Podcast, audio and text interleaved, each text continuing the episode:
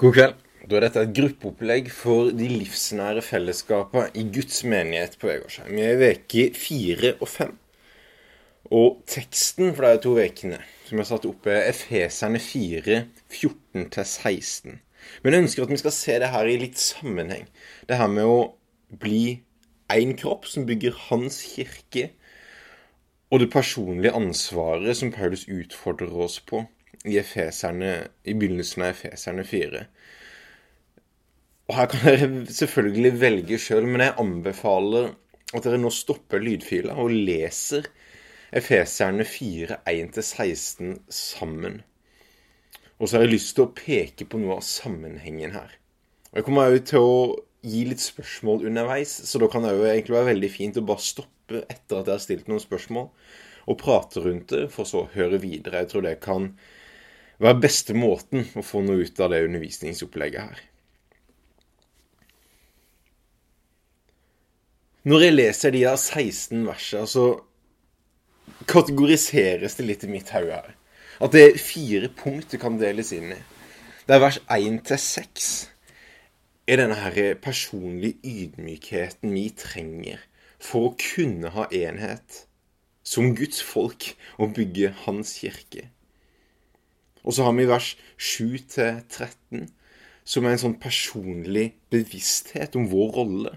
At Gud faktisk har gitt noen gaver som menigheten er avhengig av for å kunne gi vekst i kirka og gi personlig vekst.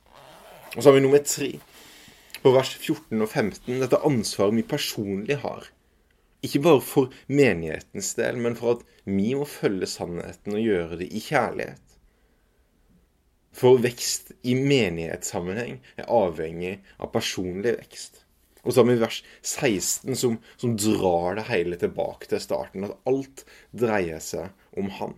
Det er han som er kroppen. Det er han som er tempelet. Og alt er sammenføyd i han, og det er han som gjør bygningen virkekraftig. Så bygger vi vår kirke, våre templer, vår religion, eller bygger vi hans tempel og hans kirke? Og det store spørsmålet når jeg leser de 16 versene, er hva er egentlig da den største utfordringen for at vi kan være med å bygge Guds rike på Vegårshei? Og jeg tror mange av de spørsmålene som kommer her, er noen av veiene, noen av nøklene, for å se en levende menighet og et levende trosliv blant hans folk. Så nummer én ydmykhet. Så vi bygger altså ikke vår kirke, vi bygger hans kirke. Og jeg tror det handler veldig mye mer om han og om andre enn det handler om oss. Vi skal elske Herren vår Gud av hele vårt hjerte. Så skal vi elske vår neste som oss sjøl.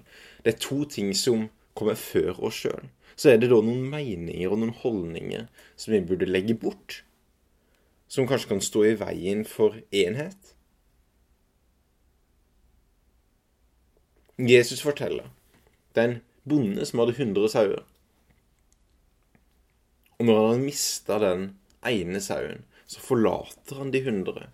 Og så går han for å finne den ene. Og når han kommer tilbake, så har han en fest for denne sauen som var død, som er blitt funnet igjen. Noen ganger så tror jeg Gud har enda mer fokus på andre, på det som er utenfor det som handler om de fortapte enn akkurat på oss. Åssen er det for vår del? Greier vi å løfte blikket og se ah, Hvem er det egentlig Jesus har mest fokus på akkurat nå? Og nummer to bevissthet rundt hvem vi er. Så spørsmålet her kan kanskje være en runde der, der dere bare prater om hvem er egentlig dere? Er dere bevisst den rolla dere har? Hvilke tjenester dere har? Og ikke nødvendigvis bare sånn menighetstjenester. Nå prater om å bygge Guds rike i storhet. Handler om at kanskje du er den gjestfrie som inviterer folk på middag. Eller den som liker å besøke mennesker. Eller den som har noen aktiviteter med noen. Eller hvor er dere bidrar for at Guds rike skal vokse? Og kanskje det viktigste dere gjør nå, er å oppmuntre hverandre. Jeg ser noen av de egenskapene her deg. Jeg ser en bibellærer i det. Eller jeg ser en En som kan starte noe. Hvem er vi? Her forteller også Jesus en lignelse om en surdeig. En dame som legger litt surdeig ned i en stor deig. Og Så går det noen dager, og til slutt så har denne surdeigen gjennomsyrna hele deigen. Jeg tror den bevisstheten rundt hvilke oppgaver vi har, den står litt til oss. Og så kan vi plassere oss inn en plass der vi tror at vi har noen gaver, noen egenskaper, noen talenter. Og så tror jeg det er Gud som er den som gjennomsyrer den som bruker oss uten at vi kanskje helt ser det. Og som gjør det at vi kan være med å påvirke der vi er. Og så er det nummer tre. Det er det personlige ansvaret, som da kommer i, i vers 14 og 15. Vi skal vandre i sannhet og gjøre det i kjærlighet, for det fører altså til vekst. Og hvor står utfordringen for oss? Den største utfordringen det er å faktisk godta bibelske sannheter, eller fylle oss med sannheten. Eller er det å gjøre de her tinga i kjærlighet som er mest utfordrende? Jesus forteller en lignelse her med en mann som hadde to sønner. Og han yngste trodde jo at faren var en begrensning for han. Så han ønska seg alle pengene så han kunne gå ut og gjøre sånn som han ville. Og for noen av oss så er det utfordrende å lese Guds ord, for vi føler at det er en begrensning der. Det begrenser oss. Vi ønsker å gå vår egen vei. Vi tester heller grensene litt. Ja, Gud sier det, men det gir meg mening for meg å gjøre det her. Så vet vi at synd fører til død. Så uten sannhet så er det ingen vekst. Men andre av oss, vi holder kanskje på sannheten. Det er lett å følge det som er i Guds ord, og fylle oss med det. Men har vi kjærligheten i det vi gjør? Eldstebroren, han, han, han holdt på sannheten. Han holdt seg hjemme hos faren. Men han har gjort hjertet sitt kaldt.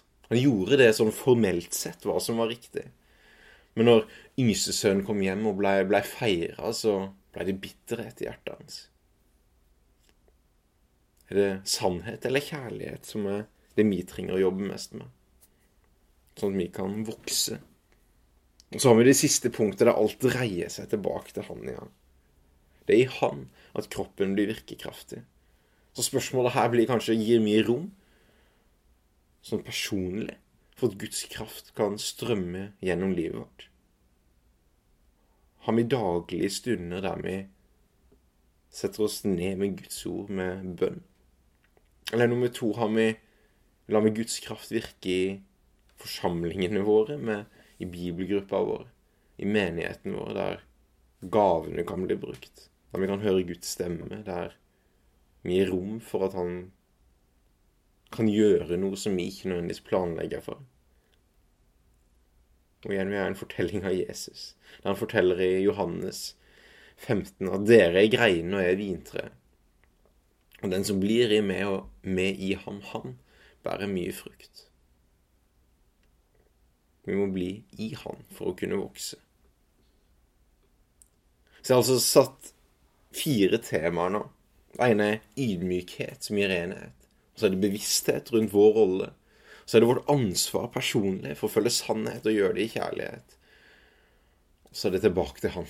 Vi påkobla han? Både personlig og i menighetssammenheng. Jeg håper det her gir grunnlag for noen gode samtaler.